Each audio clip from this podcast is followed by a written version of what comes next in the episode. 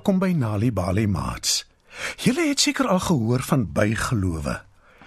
Dit is iets wat deur mense oorvertel word van geslag tot geslag. Hulle glo vas dit is waar, maar ons weet dis net 'n storie waarin sekere mense glo. Hoewel dit interessant is om daarvan te hoor, beteken dit nie ons glo daaraan nie.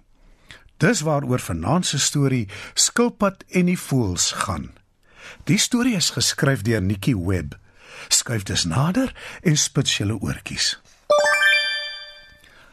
Lank, lank gelede, toe mense nog baie bygelowe gehad het, het hulle geglo dat wanneer 'n voël op aarde doodgaan, verlaat die voël se gees sy liggaam en dit vertrek na die wolke toe waar die voëls dan woon, so tussen die wolke saam met die wolkmense. Die wolkmense het hulle geglo hou 'n oog oor die diere en die ander voëls op aarde. Dit was natuurlik net 'n bygeloof lank gelede. In die tyd word daar vertel, was daar 'n droogte op aarde. Daar het vir meer as 'n jaar geen reën geval nie en alles was dor en droog en verskroei. Die diere en die voëls kom toe bymekaar om te gesels en aan 'n oplossing te dink, want hulle kan nie veel langer voortbestaan met die droogte nie. Ek dink ons moet volstruis opeet, sê Leo en lek sy lippe af. O nee, nee asseblief nie, pleit volstruis en snak na sy asem.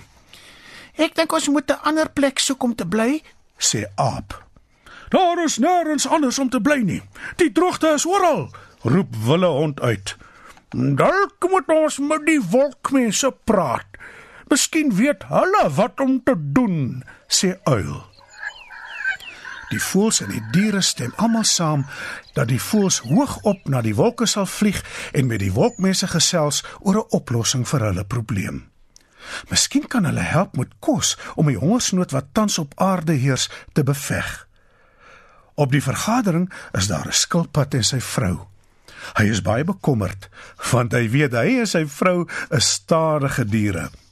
As daar 'n moontlikheid is dat die wolkmense wel kan help met kos, sal hulle, hy en sy vrou, te stadig wees om betyds by die kos uit te kom. Hy is bitter honger en weet hy moet nou aan 'n plan dink. "Verskoon my," sê Skilpad. "Dink julle regtig die wolkmense sal hulle aan 'n klomp voëls stuur? Wat julle nodig het is 'n koning, iemand wat 'n belangrike boodskap kan oordra." Is bereid om julle koning te wees. Ek sal saamgaan en namens julle praat. Die voëls kwetter opgewonde onder mekaar.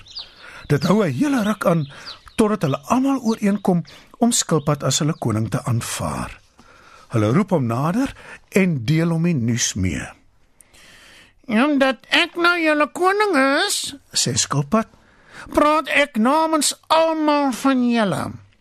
Skielik krap neushoring voor sy kop en vra benoud: "Hoe kry ons skilpad bo tussen die wolke?" Die hyena lag, die aap blaf. Nie een van die diere het daaraan gedink nie. Dis nou 'n probleem en hulle weet nie mooi hoe om dit op te los nie. Almal het idees, maar dit klink nie asof een van hulle sal werk nie. Uiteindelik sê Uil: "Ons gaan uh, vere aan skilpad se pote plak. As hy vere het, sal hy dalk kan vlieg." Arme skilpad lyk natuurlik belaglik met die vere aan sy pote. Baie van die diere onderdruk hulle lagbuie want hulle weet skilpad is hulle laaste hoop op oorlewing. Hulle hou almal asem op toe skilpad sy pote begin klap. Die diere kyk angstig toe hoe hy stadig maar seker van die grond af opstyg en saam met die voëls begin vlieg. Die diere juig verheug toe skilpad al hoër en hoër in die lug opstyg in die rigting van die wolke. Toe skilpad saam met die voëls in die wolke aankom by die wolkmense, is hulle bly om hom te sien. Die voëls is trots op hulle koning skilpad. Die wolkmense het 'n fees voorberei vir hulle besoekers. Daar is heerlike sappige vrugte en kraakvars groente, alles kos wat die voëls en hulle koning baie lanklaas gesien of geëet het. "Vir wie is die heerlike kos?" vra een van die voëls versigtig opgewonde. Dis alles vir julle, ons besoekers natuurlik. Val gerus weg, sê die wolkmense. Koning Skilpad laat nie op hom wag nie en begin smil. Hy pyl op die kos af so vinnig as wat sy pote hom kan dra en verslind elke laaste kriesel daarvan terwyl die voëls verstom en baie honger toe kyk. Die wolkmense is verslae omdat die voëls nie deelneem aan die feesmaal nie.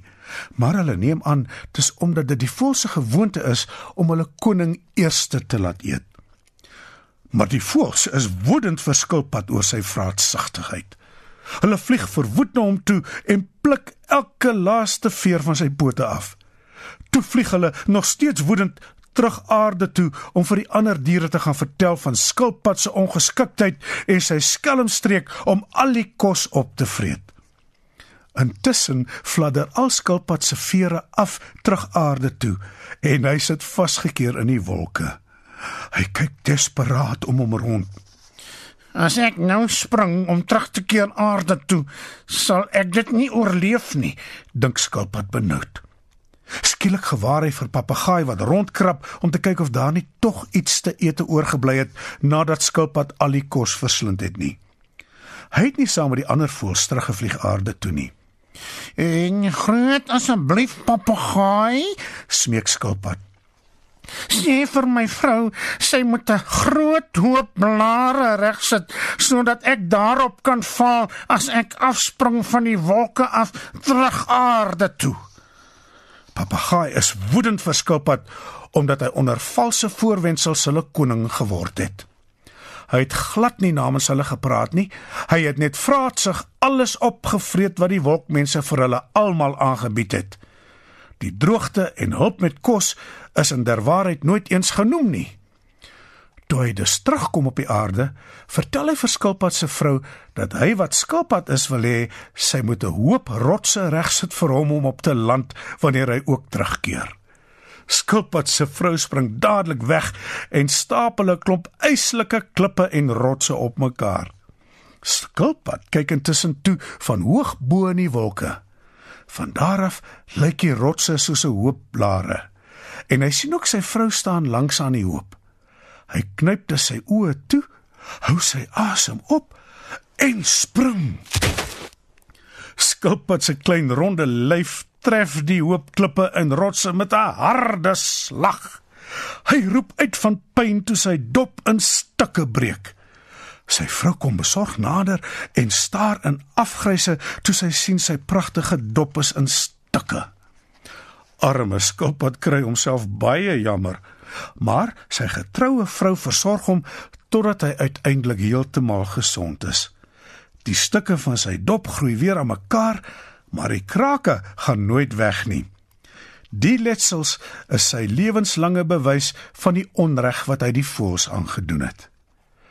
Intussen is die wolkmense bitter hartseer wanneer hulle besef hoe skilpad die voëls uitoorlê het. Hulle ween en weeklaag, hulle huil aan mekaar.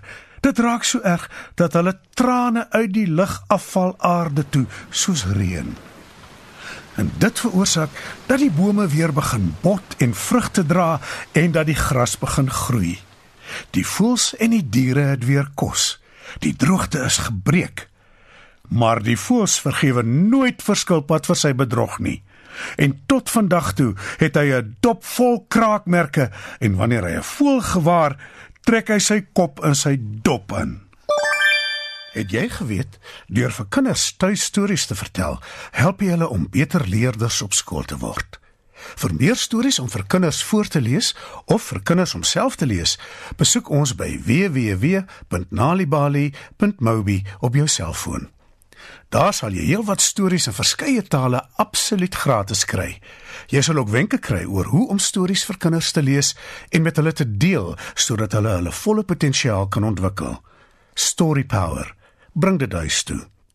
Kyk ook uit vir die NaliBali byla met heerlike stories en aktiwiteite beskikbaar in KwaZulu-Natal, Sunday World, Engels en isiZulu. Gauteng, Sunday World, Engels en isiZulu. Vrystaat Sunday World Engels en Sesotho. Weskaap Sunday Times Express Engels en isiXhosa. Ooskaap, The Daily Dispatch Dinsdae en The Herald Donderdag, Engels en isiXhosa. Nali Bali is ook op Facebook.